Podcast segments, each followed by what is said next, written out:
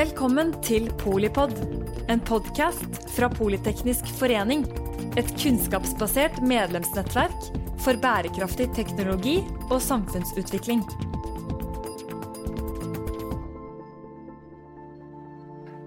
Da skal vi få opp eh, de to andre som sitter her. Det er eh, Kjell Roland, som er samfunnsøkonom og tidligere direktør i Ekon og i Norfund.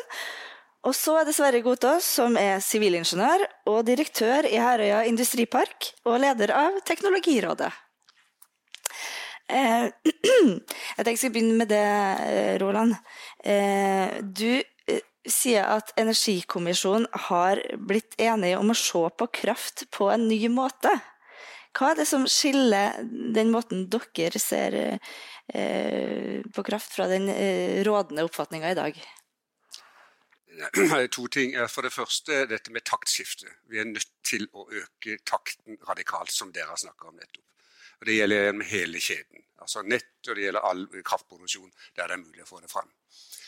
Eh, og Der må vi eh, rigge dette systemet for vekst, eh, antageligvis raskere enn det vi hadde på 60-tallet, altså når vi bygde vannkraftsystemet og elektrifiserte landet. Så, så det er liksom nummer én. Nummer to Eh, målsettingene som dette skal gjøres mot, det er for å nå samfunnsmål. Altså Vi skal på eh, klimautslipp eh, og grønn industri. Altså, så Kraftsektoren er en samfunnsmessig infrastruktur som er innrettet slik at den når samfunnets mål. Og, og, Det betyr at den ser annerledes ut enn en del andre sektorer, der det er kjøp og salg i et vanlig marked. Altså, Eh, F.eks. så innebærer det at staten må lage rammevilkår som gjør at det blir lønnsomt å bygge ut tilstrekkelig mye kraft til at samfunnet kan nå de målene man har på klima og andre områder. Og Hvordan skiller det seg fra sånn man tenker på kraft i dag? Nei, vi, eh, altså I 2010-2012, når man så på Englandskabelen og Tysklandskabelen, så var på en måte poenget er det, lønns, er det flaskehalsinntektene store nok til å betale for kabelen. Da bygger vi den. Det vil si, kan vi utjevne prisene mellom disse landene? Fordi vi trodde dette ble et europeisk marked som alle andre.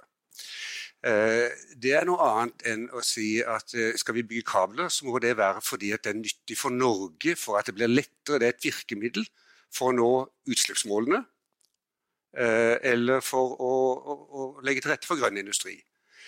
I, i, i den utredningen av Englandskabelen da er det til og med et resonnement som går som så at hvis man ikke bygger ut, så blir prisen litt lavere i Norge. Men da kommer det bare industri i Norge som øker forbruk, så stiger prisen igjen. Altså, Resonnementet spiller ingen rolle for kraftsektoren om det bygges grønn industri i Norge eller i England for, for, det norske samfunnet, for Stortinget, så er jeg helt sikker på at det er to helt forskjellige ting. Så sektoren skal bygges ut slik at vi kan bygge grønn industri i Norge. Det er, ikke, det, er ikke, det er ikke, likegyldig om den kommer i Norge eller i andre land. Før dere i den eh, skulle si rød-grønne, eh, i regjeringa, den tankegangen som Kjell Roland presenterer her? Ja, det, harmonerer veldig godt med den regjeringsplattformen vi styrer ut ifra. Eh, ren og rimelig kraft skal fortsette å være et konkurransefortrinn for Norge i framtida. Det er eh, den krevende, eh, men en av de viktigste oppgavene vi har. Og jeg syns det som Kjell beskriver med at vi er nødt til å tenke på eh, kraft, om ikke på en ny måte, for, i hvert fall ikke for en, for en sosialdemokrat, men i hvert fall at det er en infrastruktur som vi eh, ikke, ikke, klarer oss uten, åpenbart, men som vi er nødt til å tenke ut fra et samfunnsperspektiv heller enn et reindyrka markedsperspektiv. Det er jeg helt enig i. Mm. Nå har jo markedet truffet Norge, skal jeg si, og Herøya kanskje særlig. Et stort industriområde der veldig mange aktører, både norske og utenlandske, har lyst til å, til å etablere seg. Eh, og konkurransen om hvem som skal få knytte til kraftnettet er stor. Hvordan merker du det? Vi merker i hovedsak på at uh, aktører som har allerede ledet seg inn hos oss og bedt om å få plass, trekker seg ut. Ikke nødvendigvis fordi prisene for, for altså Kraftprisen for en industribedrift er jo mer relativt til konkurrentene enn det er sånn som oss som forbrukere, som får det liksom rett på lommeboka. Hvis prisen i Norge er lavere enn konkurrentene, så hjelper jo det likevel. For oss er det mer tilførsel av kraft som er eh, utfordringa. At vi ikke får den krafta vi trenger. Så der er det nettutbyggingen det går på. Etter hvert vil det gå på tilgangen på kraft også, som går på hvor mye vi har å produsere. Når så mange mm, aktører har lyst til å knytte seg til eh, kraftnettet, hvem er det som avgjør i dag? ja, det er jo Nettselskapene hadde jo i hvert fall inntil for kort tid siden en veldig enkel køstruktur. Den som kom først, fikk først. Helt uavhengig av hva du skulle bruke det til, eller hvor moden du var, eller ja, når du hadde tenkt, tenkt å bruke den. Så det gjorde jo at det eh, i dag ligger en del prosjekter inne som blokkerer for andre, fordi de da ikke har kommet i gang, eller ikke har tenkt å komme i gang riktig ennå, eller har, har, andre planer. Nå er denne køstrukturen i, i ferd med å bli endra til å bli noen andre objektive kriterier, men eh, et nettselskap er et monopolselskap, så de kan liksom ikke gå inn og bestemme, eller ikke de som skal prioritere, så det må faktisk gå over til politikerne hvis vi skal ha en prioritering. og Får vi ikke bygd ut disse 40 TWh eller hva det nå blir, så er det jo det som skjer. Da må jo noen si at da går de foran i køen fremfor de. Mm. Er du enig i det? Er det politikerne som må inn og prioritere det som, og gjøre det som, som Statnett og nettselskaper har gjort til nå? Det trengs uten tvil noen politiske grep for å eh, sikre at vi eh, får den industrien vi ønsker til Norge, og ikke minst gir den industrien vi har, eh, mulighet til å utvikle seg. Eh, vi jobber nå med å eh, følge opp en, et annet utvalg som kom med en eh, veldig god rapport i juni, nemlig Strømnettutvalget. og eh, Da er jo nettopp det å se på tilknytningskøen en av de store sakene. Så jeg skal være liksom forsiktig med å konkludere hvor regjeringa vil havne. Men samtidig så er jo det litt deilig å ikke ha lagt fram henne, for da kan jeg òg tenke litt høyt. og Det er ingen tvil om at vi Det er helt åpenbart for alle. Vi kan ikke fortsette å ikke ha et rigga system som i praksis er det sånn det er nå. Eh, nettselskapene var jo i en helt annen situasjon for bare kort tid siden, hvor putla jevnt og trutt med et par søknader. Eh, så kom 2019, 2020, og man har på kort tid hatt en tredobling i tilknytningssøknadene. Eh, det var ikke noe skikkelig køstruktur på plass, som eh, Sverre beskriver. Man har nesten si grelle eksempler på at selskapene nærmest har kunnet røkke opp hånda i et kvart kommunestyre og sagt ja, vi ønsker å tilknytte oss litt her og litt der. Uavhengig om det er realisme i prosjektet eller ikke, så har man da fått en situasjon hvor det er aktører som kanskje ikke kommer til å realisere planene sine om f.eks. ny industri, nytt forbruk, som har fått blokkere for andre som ønsker det. Det er helt uholdbart. Uh, og Der trengs det helt klart politiske grep. Men så uh, vil jeg òg være så ærlig å si at jeg syns det er en debatt hvor det er lett, og, uh, lett å si ja, man må prioritere ferdig snakka, eventuelt ja, vi må prioritere, og det er selvfølgelig klima og arbeidsplasser som er det rette jeg, har, jeg, sitter jo ikke med listene over alle kø, prosjektene som står i kø, men uh, Statnett har bl.a. Uh, gitt ganske god skjematisk oversikt over de prosjektene de har i kø. Jeg må være så ærlig innrømme at uh, det er ikke mange uh, prosjekter, om noen, som jeg har sett som jeg tenker nei, det der vil vi ikke ha. Eh, det er rett og slett veldig mye pipeline som Norge trenger, som Norge har behov for. En ting er eksisterende industri, da trenger vi å omstille den, fortsatt ha den konkurransedyktig. Vi ønsker at den skal vokse, vi ønsker at de arbeidsplassene som er der skal få bli flere. Så har vi ny industri, batteri, hydrogen. Eh, det er klart, det her er jo eh, næringer vi, eller sektorer som vi ønsker skal etablere seg i Norge. Det krever kraft. Datasenter kan fort bli litt sånn, ja, datasenter det trenger vi ikke, men Norge trenger å ha egen datakraft. Det er helt nødvendig brikke i både et digitalisert samfunn, men òg ikke minst i den sikkerhetspolitiske situasjonen som vi har. Og Fort ender man opp med sånn, ja ja, det var de kryptovalutasentrene og de kattevideodatasentrene som, vi, som vi ikke trengte. og Der kan jeg for så vidt være enig i. men det er ikke intuitivt for meg at man sier ja, vi må prioritere at det er noen sektorer som skal opp og noen sektorer som skal ned. Det som er gjennomgående, er at en, vi trenger bedre køstruktur. Vi er nødt til å gjøre nettselskapene i stand til å nettopp ha bedre virkemidler for å fordele kapasiteten effektivt og sikre at det er de som faktisk har tenkt å ta den i bruk, faktisk har tenkt å realisere verdier og arbeidsplasser for Norge, gjerne klimagasskutt òg, som får eh, kapasitet. Og så tror jeg vi òg var litt hardere i klypa på at de som har fått, faktisk må bruke den. Det er nødt til å bare sitte og ruge over lang tid og vurdere hvorvidt man skal Eh, øke produksjon eller gjøre den omstillinga som man kanskje hadde tenkt på. Det skal, eh, det skal, ikke, være, det være eh, lettvint å stå i kø og ta plass når vi vet at det er mange som trenger. Og Dette er jo et av de store spørsmålene som kommisjonen overlater til dere i, i regjeringa. Det er å prioritere hvem som skal få den krafta. Da trekker de opp tre alternativ. Altså Er det den industrien og de oljeplattformene vi har i dag som skal få lov til å elektrifisere seg og kutte kutte utslipp? Eh, eller skal vi skyve på klimamåla for å kunne slippe inn de nye grønne industriplanene som nå står og, banker på døra? Batterifabrikker, hydrogen osv. Som du sier, alt det som vi egentlig vil ha, men kanskje ikke har plass til. Eh, hvordan har den debatten vært internt i kommisjonen? Der var noen dissenser? Altså, poenget er at det er vanskelig, som, som Elisabeth også beskriver, å finne noen enkle måter å prioritere på. Det viktigste der eh, er i og for seg eh, Sverres poeng. Vi kan ikke ha det slik at det er først kom, først serve i systemet som bestemmer saksbehandlingen.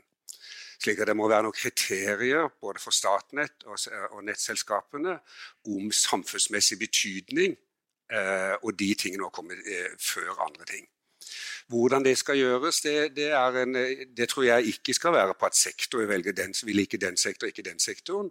Men det må være noen, noen fornuftige eh, betraktninger rundt samfunnsøkonomisk betydning.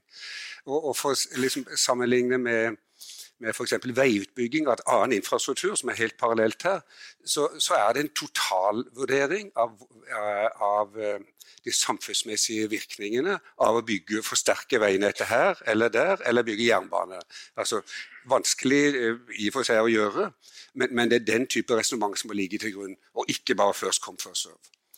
Men hvis jeg kan si et litt annet resonnement rundt nett som kommisjonen også har, så dreier det seg om, og som i og for seg også er dette eh, en ny agenda. Altså Nettregulering siden uh, tidlig 90-tallet har jo dreid seg om å holde nede kostnadene. Uh, altså Være forsiktig med alle investeringer. For vi skulle stort sett drifte et eksisterende nett som var rimelig tilpassa der det var.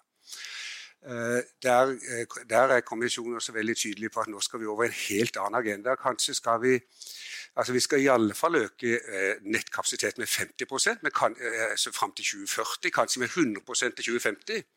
Altså, vi kan ikke drive og flikke på det eksisterende nettet. Altså, du må lage reguleringer, insentiver for, for, for, nettselskapene om at de skal bygge morgendagens nett. De skal planlegge for et nett som er vesentlig større og sterkere enn i dag. Og, og enda mer for Statnett. Statnett bør få et mye tydeligere mandat om at de skal bygge no morgendagens eh, sentralnett, og inkludert det som skal skje eh, i hav, eh, havnettet. Eh, og, og, Statnett må få, og nettselskapene må få både finansiering for Statnetts del og, og, nettselskapene reguleringer som gjør at de kan ta en del av disse kostnadene før forbruket er der. Så dette er litt høna og egget. Nå skal vi lage et helt nytt nett, og vi skal bygge all den nye produksjonen, og vi skal drifte systemet bedre. Så, så, vi må sette en annen agenda, og der er, der er vi liksom nokså tydelig uenige med Strømnettutvalget fra i fjor eh, sommer, som var den gamle agendaen. Prøve å holde igjen så mye du kan, og ikke bygge før det står en, en ferdig kontrakt med noen som vil eh, ha strømmen. Eh, og altså For å illustrere det, jeg mener at Strømnettutvalget det er omtrent som å si at vi skal ikke, vi skal ikke bygge en linje til på toget til, ned til Østfold før det er nok forhåndsbetalte billetter til at det er lønnsomt å bygge eh, linja. Altså, må, altså, det er en helt annen agenda som vi står foran, og, og der er kommisjonen klar. Og Det må Sæter få svar på. Skal man vente til det er nok forhåndsbetalte billetter? Det der er jo eh, en av de viktige debattene som vi eh, nå har i forbindelse med oppfølging av Strømnettutvalget og åpenbart òg Energikommisjonen. og Jeg skal ikke gi noe fasit på hva regjeringa kommer til å komme med. men jeg er helt enig i den virkeligheten Kjell beskriver, at vi, vi, er nødt til å få nettet på plass fortere når det trengs. Og er det noen som er i tvil om at vi trenger mer nett? Nei, det er det ikke. Samtidig så er det fort å se eller Jeg opplever at nettselskapene er eh, blitt mer og mer framme i skoene på eh, god nettplanlegging se prosjektet før de hva man skal si, planlegger for prosjektet og eh, som de ser ligger et stykke frem i tid. Altså, men samtidig så er vi der vi er nå at vi er ikke altså ja, vi er ikke i forkant av behovet, vi er langt bak. Da bare kommer à jour med behovet. Eh, må være jobb nummer én for oss. I tillegg så har jeg lyst til å nevne at eh, det er riktig å snakke mye om nettutbygging, misforstå meg rett. men eh, det er jo òg heldigvis eh, flere og flere nettselskaper som peker på at eh, det er ikke nødvendigvis alltid at mer nett er svaret. Én, kan vi drifte nettet vi har? Kanskje litt mer risikofylt, men likevel kan vi ha, hvis vi har kunder som er villige til å ta den risikoen fordi at de får raskere tilknytning, hvorfor ikke? det er en spennende tanke, som man sier når man ikke har lov til å eh, konkludere tydelig i politikken. Eh, I tillegg til det så er vi jo i gang med å eh, få stadig mer lokal energiproduksjon. Stadig mer interesse for eh, lokal energilagring, som eh, kan gi muligheter for å få krafta på plass uten, største, uten, å være helt avhengig av at alt nettet er der. Her er det, ikke, her er det ja takk, begge deler. Men å ikke se seg bare blind på nettprosjektene, men òg se på de andre løsningene vi har for et mer fleksibelt energisystem og på forbrukssida, det er jeg helt sikker på at vi trenger skal vi klare å eh, både omstille den industrien vi har, men òg få inn ny i nettet. Hva gjør man når man har satt ned to utvalg som gir så forskjellige råd? da krangler man. Jeg vet ikke, jeg, jeg, er kjempetakknemlig for uh, å få lov å uh, sitte og motta grundige uh, utredninger som peker nettopp på at her er det ingen fasit, her er det ingen enkle svar. For det, er sånn jeg føler det hver dag. Og det viser at vi er nødt til å ta noen valg. Og så tørre òg å si at nå prøver vi det her. Og såpass ja, det tror jeg kanskje jeg kan bare dele med dere. Da, at eh, Sånn må vi tenke når vi skal eh, følge opp både Strømnettutvalget og Energikommisjonen på nettet. at Her så må vi teste ut noen ting og se hvordan det fungerer. Eh, det er ikke gitt at alle løsningene som man velger eh, i første fase, vil funke, men vi har ikke noe annet valg enn å prøve. F.eks. når det kommer til å se hvordan kan vi organisere køen bedre, hvordan kan vi eh, sikre at den kapasiteten som er gitt, faktisk brukes. Altså der, der trengs det grep, men er det et prissignal? Er det sterkere regulering? Det kan være litt av hvert, litt av begge deler. Vi er nødt til å teste ut noe se om det fungerer, gi nettselskapene sjansen til å uh, få det litt opp å stå, Fungerer det ikke, så må vi prøve på nytt. Eh, det er sånn eh, det, det, er, det, er, litt der vi er, at det verste vi kan gjøre, det er å stå i ro. Mm. Du, tegna det i stad, Gotas, på det med prioriteringene. Ja, nå syns jeg vi prater veldig mye om nett her. Vi er jo et, eh, en energikommisjon, og nettet har bare en bit av det. Men det er klart Personlig tror jeg nok det å få bygd ut nett raskere enn vi gjør i dag, en lettere jobb enn å få bygd ut produksjonen raskere enn vi gjør i dag. Så det tror jeg faktisk det finnes løsninger på. Eh, denne kommisjonen og Strømnettutvalget har jo vist at, eh, gitt et godt bilde av hvor vi står hen. Altså vi, vi, står ganske gjørmete til hvis vi skal nå målene våre. Og som jeg sier, Når du står med opp til halsen er møkk, så det er ikke på tide å henge med hodet. Liksom. Da må du løfte blikket litt. Så jeg tror vi, Hvis vi klarer å bli enige om at uh, vi har en del utfordringer foran oss, vi må velge kanskje, men i utgangspunktet så har Energikommisjonen lagt frem et uh, forslag som sier at får vi til dette, så skal vi klare både klimamålene, vi skal ta imot ny grønn energi, og vi skal stå forberedt for en, en konkurranse på prising som vi faktisk kan håndtere. Og så skal jeg være den første til å innrømme at 40 TWh utbygging til 2030 er et bokstavelig talt hårete mål. Hvis vi ikke setter sånne mål, så gjør vi ingenting det er jo så enkelt at det er jo politikere som til syvende og sist skal gå inn og bestemme vi, hvilken retning vi skal veie på dette. og Hvis ikke de har noen mål å gå etter, hvordan skal de da kunne klare å ta den diskusjonen som skal til for å få det til? Så Prioriteringer kommer i og for seg sjøl også, for det er jo selvoppfyllende dette her. Hvis, eh, hvis de som skal bygge fabrikker eller legge opp kraftkrevende eh, virksomheter, ikke føler at AS Norge tar ansvaret for at det kommer kraft, så bygger de ikke. Eh, da betyr det at behovet går ned, og da betyr det at vi slipper å bygge ut. Det det også betyr, at da når vi ikke klimamålene våre, og vi når sannsynligvis ikke målet om økt sysselsetting heller. Men det er den harde realiteten, og det er det vi merker på Herøya hver eneste dag. Hvis ikke vi som nasjon klarer å fortelle, fortelle de som kommer dit at ja, vi har kanskje litt trangt med, med, tilgang på kraft akkurat nå, men vi kommer til å få det i løpet av et antall år, så går det et annet sted. Ellers er bedrifter usannsynlig rasjonelle. De klarer å vente, de. Hvis jeg kunne fortalt en del av mine potensielle kunder at ja, den strømmen kommer til her, men den kommer ikke før om fem år, så er flere av dem som sagt ja, men det er greit. Vi får ikke bygd en fabrikk på en ettermiddag allikevel. Men når du sier at vi vet ikke Det kan hende du får noe, det kan hende du ikke får noe. Det har vi ikke klart å rote oss til å bestemme ennå. Det kan hende at det kommer et annet sted. Altså, da gir vi ikke bedriftene den tryggheten de trenger. Så det viktigste nå er at, at uh, Norge står frem og sier at ja, dette er en problemstilling vi har skjønt, ja, vi tar det alvorlig, og ja, vi skal nå følgende mål. Da får man en rasjonell bakgrunn og kunne vurdere hva man vil gjøre på. Mm. Da kan du begynne å få den effekten du vil. Det er åpenbart et spørsmål til det. Og så skal jeg knagge det litt på eh, det som skjer i Finnmark. Og da eh, Liv Monica Stubholt, som også var komitémedlem, og som skulle ha vært her i dag, hun sa jo for et år siden at eh, hvis man skal elektrifisere både Wisting og Melkøya, da faller all strømmen ned i et stort Equinor-formet hull, og da blir det ikke noe grønt hydrogen i Finnmark. Eh, nå begynner jo denne situasjonen å komme. Det kom en liste i går over et stort antall prosjekt som, som har fått nei.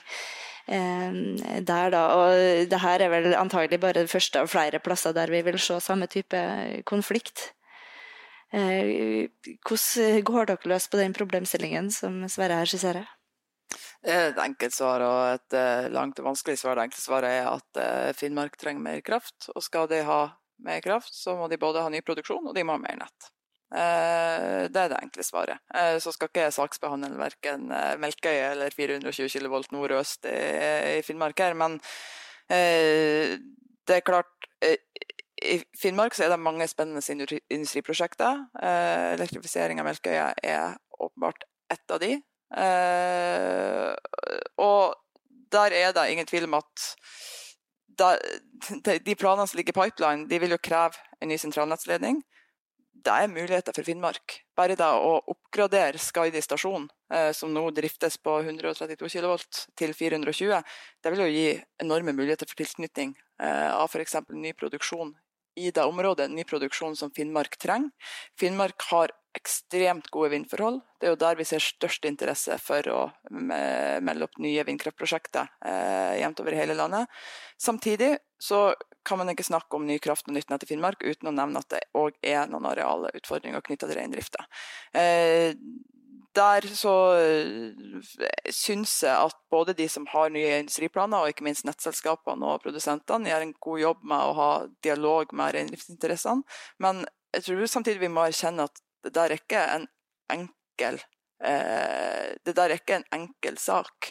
Eh, det å sikre gode prosesser, det å se om man kan eh, det er ikke en alternativ å si nei til ny produksjon nytt nett i Finnmark, men samtidig så, så er det ikke eh, så er det reelle arealutfordringer. og Klarer vi ikke å finne måter hvor reindrifta kan sameksistere med ny kraft og nytt nett i Finnmark, da har vi, da har vi alle tapt. Eh, så derfor så jeg syns Finnmark er et veldig spennende område. Jeg er nok ikke enig med Monica i beskrivelsen av hva elektrifisering av Melkøya vil bety for landsdelen, men eh, jeg er helt enig i at det, det der er virkelig et sted hvor vi som nasjon er tjent med at vi klarer å lykkes med å framføre ny kraft og nytt nett. Da trenger vi en enda bedre dialog med reindrifta og for så vidt òg miljøinteressen i Finnmark. Så Situasjonen i Finnmark er jo egentlig et, eh, minieksempel på hele Norge og, og kommisjonsbudskap. Altså Energipolitikk er nesten helt sammenfallende med klimapolitikk. Inntil nå så har de to politikkområdene levd litt hver for seg i hver sine departementer. Så eh, vedtar man noen utslippsmål i 20, 2030, eh, og så driver Næringsdepartementet og skal lage ny grønn industri, og så driver OED og lager noen prognoser for kraftsektoren. Eh, og så har det ingenting med hverandre å gjøre. Jeg, jeg, spurte gang på gang i kommisjonen kan ikke vi få, altså hva er utslippene i de prognosene for kraftsektoren som NVE og Statnett lager for 2030. Ja, de lager ikke noen prognoser for utslipp. De lager, eh, de lager, en prognose for kraftsektoren. Så Det, det bastante budskapet fra, fra, eh, fra, kommisjonen er at det er et nesten én-til-én-forhold mellom det du gjør i energipolitikken og det du får til på grønn industri og klima. Altså er, så, så, hvis ikke du klarer å få det til å henge sammen, og det er i og for seg eh, Sverres poeng i stad også, nei, så er det noe som gir etter. Og, og, inntil nå kan du si at de siste 30 år så er det klimapolitikken. Altså vi, har, altså vi, ligger etter hele resten av Europa, alle land rundt oss, når det gjelder utslippsreduksjoner, fordi at disse tingene har ikke hengt sammen. Eh, og på samme måte som i Finnmark, ja, her er det noen vanskelige valg fordi at det, det, faktisk henger sammen. Du må produsere mer og flytte den strømmen fram til der den skal brukes. Hvis ikke, så kommer ikke den nye industrien. Eh, og det gjelder på nasjonalt nivå også. Så får, hvis ikke du får politikken på energi og klima til å henge sammen, og, og næring til å henge sammen vesentlig bedre enn den har gjort det nå, så får vi ikke til det vi har som ambisjon, verken på klima eller på næring. Det er på en måte, og, og Finnmarksdiskusjonen illustrerer det. Og Så kommer det til å føre til mange vanskelige politiske avveininger. Så hvor langt vi kommer, det vil tiden vise. Men vi kan få en mye mer realistisk diskusjon om hva dreier disse sakene seg om. Der tror jeg kommisjonen har bidratt. Mm. Eh, den heter jo 'Mer av alt eh, raskere', den rapporten. Men eh, hvis man skulle prioritere altså de 40 TWh, hvor er det største delen skal komme fra? Det er ikke noen tvil om at vind, enten er på land eller til havs, er det som alle peker på, og som er fornuftig å peke på. Vind til lands, for å ta den økonomiske sida, er den økonomisk sett billigste måten å få kraft fort. Og så har det jo sine utfordringer, selvfølgelig. Og så er jeg litt redd for at eh, vi lener oss stadig mer og mer på at vi kan vente til vi får orden på dette vind til havs-utfordringa, for det er jo så enkelt. Der er det jo ingen. For det første er jo det feil. Havet brukes jo det òg. Og for det andre så er det en større utfordring å få bygd, til, bygd ut vind til havs, og så er det ganske mye dyrere. Så det å, å vente på at det blir modent og, og eh, for at det skal fange opp all den ekstra krafta vi trenger, det tror jeg er et eh, blindspor. Jeg syns også at eh, når regjeringa nå skal utlyse halvannen gigawatt på Sunde Nordsjø 2, og vet at det er i hvert fall plass til tre, kanskje fire-fem gigawatt der ute, så er det litt tafatt å ikke fortsette den prosessen med en gang. Så i hvert fall få lagt opp et løp som gjør at du får inn disse tre-fire-fem gigawattene ganske fort. Utsira er litt annet uh, problemstilling, for der er det flytere, og det tar litt lengre tid og er litt dyrere. Men, men, man må liksom, når man først har bestemt seg for å gjøre noe, så kan man like å ta et par skritt ekstra. Det, det tror da rapporten egentlig viser at vi må gjøre raskere. altså vi, vi kan ikke bruke de gamle måtene å, å, tenke på, så her må vi bare prøve å få frem pipeline som går raskt. Men vind er det raskeste. Så er det sol, da, som er en sånn uh, dark horse. Ikke dark, den er jo ganske lys, egentlig. men den er, liksom, den, den er blitt litt stemoderlig behandla. Vi får jo mer og mer solpanel på tak. Vi ser at eh, folk pers personlig sett så gjør folk ganske mye. Men skrittet fra å få dette til å være på et enkelt tak, det blir på et stort område i hele by f.eks., der ligger jo ikke regelverket i dag gjør jo ikke klar for det. Det er en stor utfordring for nettselskapene, som plutselig skal ta imot strøm i stedet for å sende den ut. Og de som tror at et eh, solkraftverk ute i naturen vil ha mindre motstand enn et vindkraftverk, tror jeg må tenke seg alvorlig om. For dette er ganske realkrevende. altså Arealbehovet for et solkraftverk er ganske mye større enn det er for et vindkraftverk. Nå har vindkraftverk en vertikal komponent også, som solkraftverk ikke har. men vi må liksom ikke vente og tro at det finnes en teknologi som redder oss ut av dette. Vi må satse på alt på en gang. altså Mer av alt. Vi må gjøre alt og vi må gjøre raskere. Det er problemstillinga. Vi kan ikke sitte og velge oss ut en teknologi og si at den skal løse den, eller vente på en teknologi og si at når den kommer, så løser den det. Her kom det jo en direkte utfordring eh, å øke eh, den utlyste kapasiteten på eh, Sørlige Nordsjø. Mm.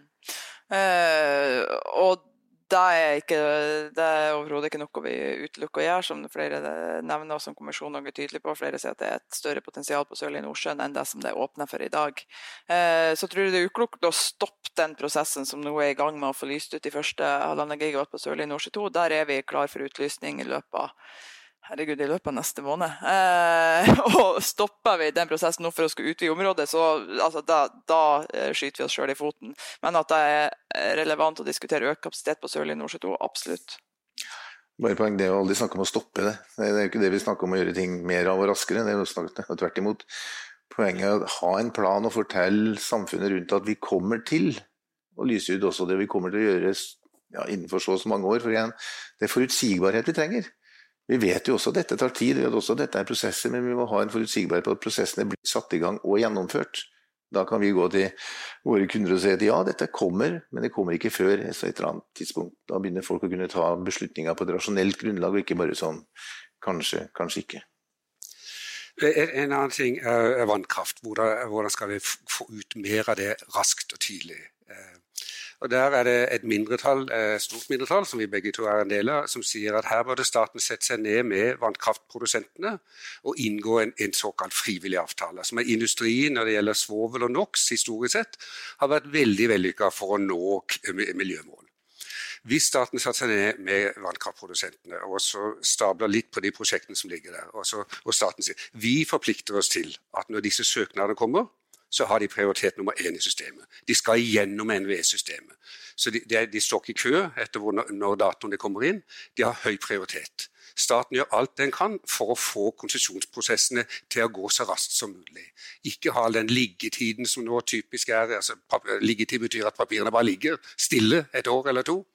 Altså, så stadig, dette prioriterer vi.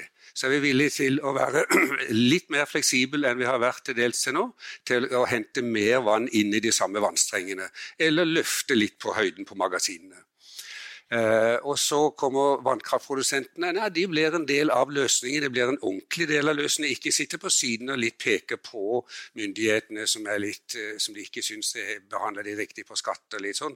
Men de faktisk kommer på, altså man setter seg ned på samme siden av bordet og sier vi skal før 2030 ha bygd ut minst 7 TWh ny vannkraft og forsterka eksisterende systemer. Altså, det, tror, det tror jeg er mulig å få til. Eh, og det er en annen måte å jobbe på enn det vi har gjort til nå. Mm. Er det noe dere har eh, rukket å tatt stilling til? Nei, det siden vi fikk rapporten i går, så, så føler jeg at eh, det er helt innafor. Men vi, vi satte jo ned kommisjonen fordi vi nettopp ønska ikke bare de rådene vi si, hadde tenkt på før, men òg ønska nye ideer. og Jeg syns det der er en spennende tanke. For å dra parallell til en annen sektor, så da man vedtok oljeskattepakken, så lagde man jo òg en aktivitetsplikt Eh, eller ja, aktivitetsplan for altså at selskapene måtte levere på prosjektet. Det var liksom betingelsen for, eh, for, den, eh, for den, skattepakken som ble, som ble lagd da. Og jeg er ikke fremmed for å diskutere at kan, kan man tenke seg noe lignende rundt vannkrafta vår. fordi det er klart, vi er helt avhengig av en ting er økt produksjon, men òg den effekten som, ja, som vannkrafta kan tilby, ikke minst hvis vi skal realisere havvindplanene. Eh, så da er, da er vi i liksom selve kjernen av hva som kreves av oss hvis vi skal få eh, framtidas kraftsystem opp å stå. Og så er programforplikta til å si at altså, NVE har allerede fått beskjed om å prioritere søknad om regulerbar kraft, eh, og, og prioritere de vilkårsrevisjonene for det eksisterende vannkrafta eh, som er på trappene. Det er viktig for å sikre fortsatt eh, god lokal aksept for den vannkrafta som er. Samtidig så mener jeg at vi har klart å vise. Nå har vi gjennomført fire relativt svære vilkårsrevisjoner av Tokkevinje, av Sirakvina, altså virkelig juvelene i kraftsystemet vårt. Skulle vi vise at vi klarer å forbedre miljøtilstanden betydelig uten vesentlig krafttap, eller i tilfelle med Sirakvina med økt produksjon av eh, 100 GBH. Så det viser at eh, det er fullt mulig å klare å kombinere fortsatt regulerbar kraftproduksjon med, eh, med god miljøtilstand. og det her er altså Vilkårsrevisjonene har NVE eh, fått fortsatt beskjed om i 2023 og, og prioritere høyt. Det er viktig for kraftsystemet vårt. Roland, du nevner liggetida hos, eh, hos NVE, men hun, eh, Liv Monica Stubholt sa noe annet til Teknisk Ukeblad i går. Da sa hun alle kan ikke ubegrenset få klage på alt hele tiden. Og det tenkte jeg at jeg skulle få henne til å utdype, men nå, nå blir det du isteden, da? Eller dere som har satt deg i, ut, i utvalget? Det er jo litt tilbake til diskusjonen om hvordan man prioriterer de ressursene man har. Det er begrenset. Veldig bra at man har økt ressursene i NVE, men det er likevel eh, åpenbart at både på nett og på produksjon er det langt flere. altså er det mye prosjekter og mer enn det det kan prosesseres. Så hvordan man prioriterer det, er, er et viktig spørsmål. Uh, uh, og med, altså, eller For å si det sånn, for å illustrere utfordringen altså På de siste oppgraderingene i, i, Glomma som eh, Hafslund har gjort, eksisterende anlegg, bytte ut turbiner og, og modernisere, så tok det tolv år. Eh, eh, og i åtte-ni av de var papirarbeid. Altså, og en god del, og ett til to år av de var liggetid. De lå stille, papirene. Eh, sånn at eh, disse tingene, Hvis ikke man får gjort noe med det, eh, så er det ikke mulig å nå noen av målene våre i 2030. Altså, så Én ting er å være villig til å prøve å bygge mer, både sol og vind og på vann og, til lands. Men får vi ikke gjort noe effektivt med iallfall de viktige av disse prosjektene, Altså, Vi bør ikke tale. Da må det være noe med stort og smått og hva som er viktigst. og Derfor typisk disse vannkraftprosjektene bør ha prioritet nummer én. Eh, der det er, altså, så det, det, denne type eksternt trykk på systemet, krav fra, fra, departementet til underliggende etater, både signaler om hvordan det skal prioriteres, og krav til å rapportere litt på saksbehandlingstid, slik at du øker trykket vesentlig i systemet, og at det prioriterer de viktigste prosjektene. Og så er det, ikke noe, det er ikke noe enkel oppskrift på hvordan det skal gjøres. og, og, og eh, altså Det er mange dilemmaer ute og går her. Jeg vil Si, hvis ikke vi får det til, hvis ikke vi får til på samme måte som en frivillig avtale, hvis ikke vi får til bedre samspill i systemet, enighet om en felles agenda altså, altså, vi har dårligere tid, og det er viktige samfunnshensyn som står for spill. Uh, og Statnett og NVE er fryktelig viktige instrumenter i det, i det bildet. Det, og det budskapet må være krystallklare og forventninger om at de prioriterer riktig. Mm. Eh, jeg nevnte i starten at det var en del dissenser eh, gjennom eh, hele rapporten, egentlig. Det er jo flere siviløkonomer som det, og så er det også en del sivilingeniører. Hvordan har det vært? Har dere klart å samarbeide?